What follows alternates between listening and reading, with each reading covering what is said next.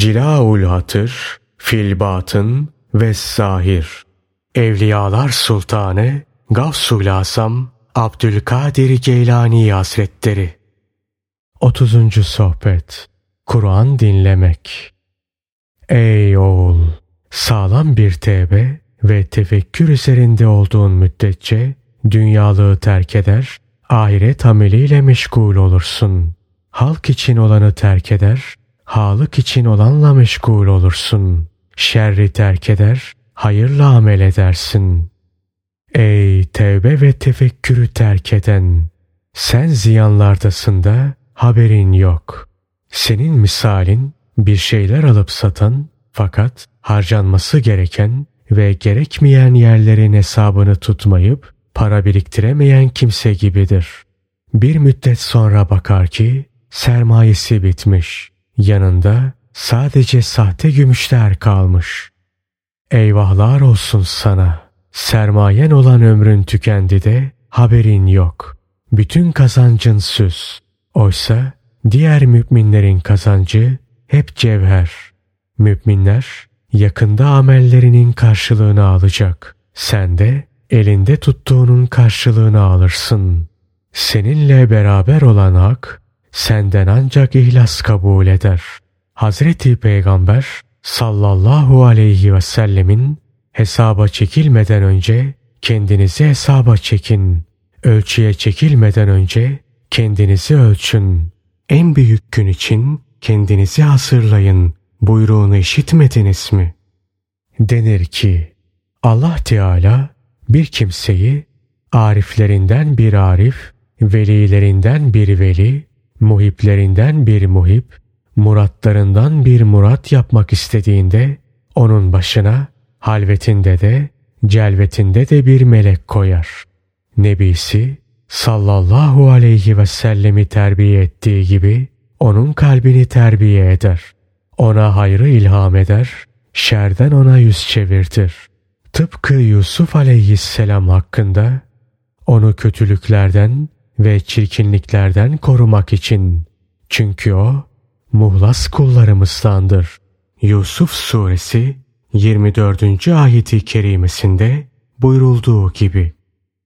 İşte bu onun nebilerine, resullerine, velilerine, salihlerine ve sadıklarına muamelesidir.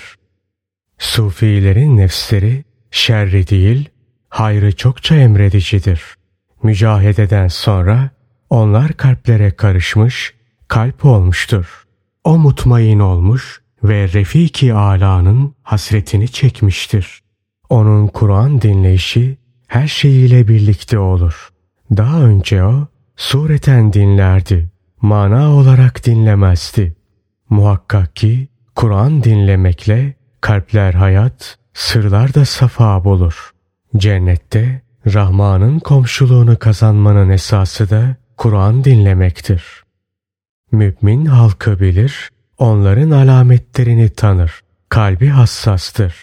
Allah'ın nuruyla bakar.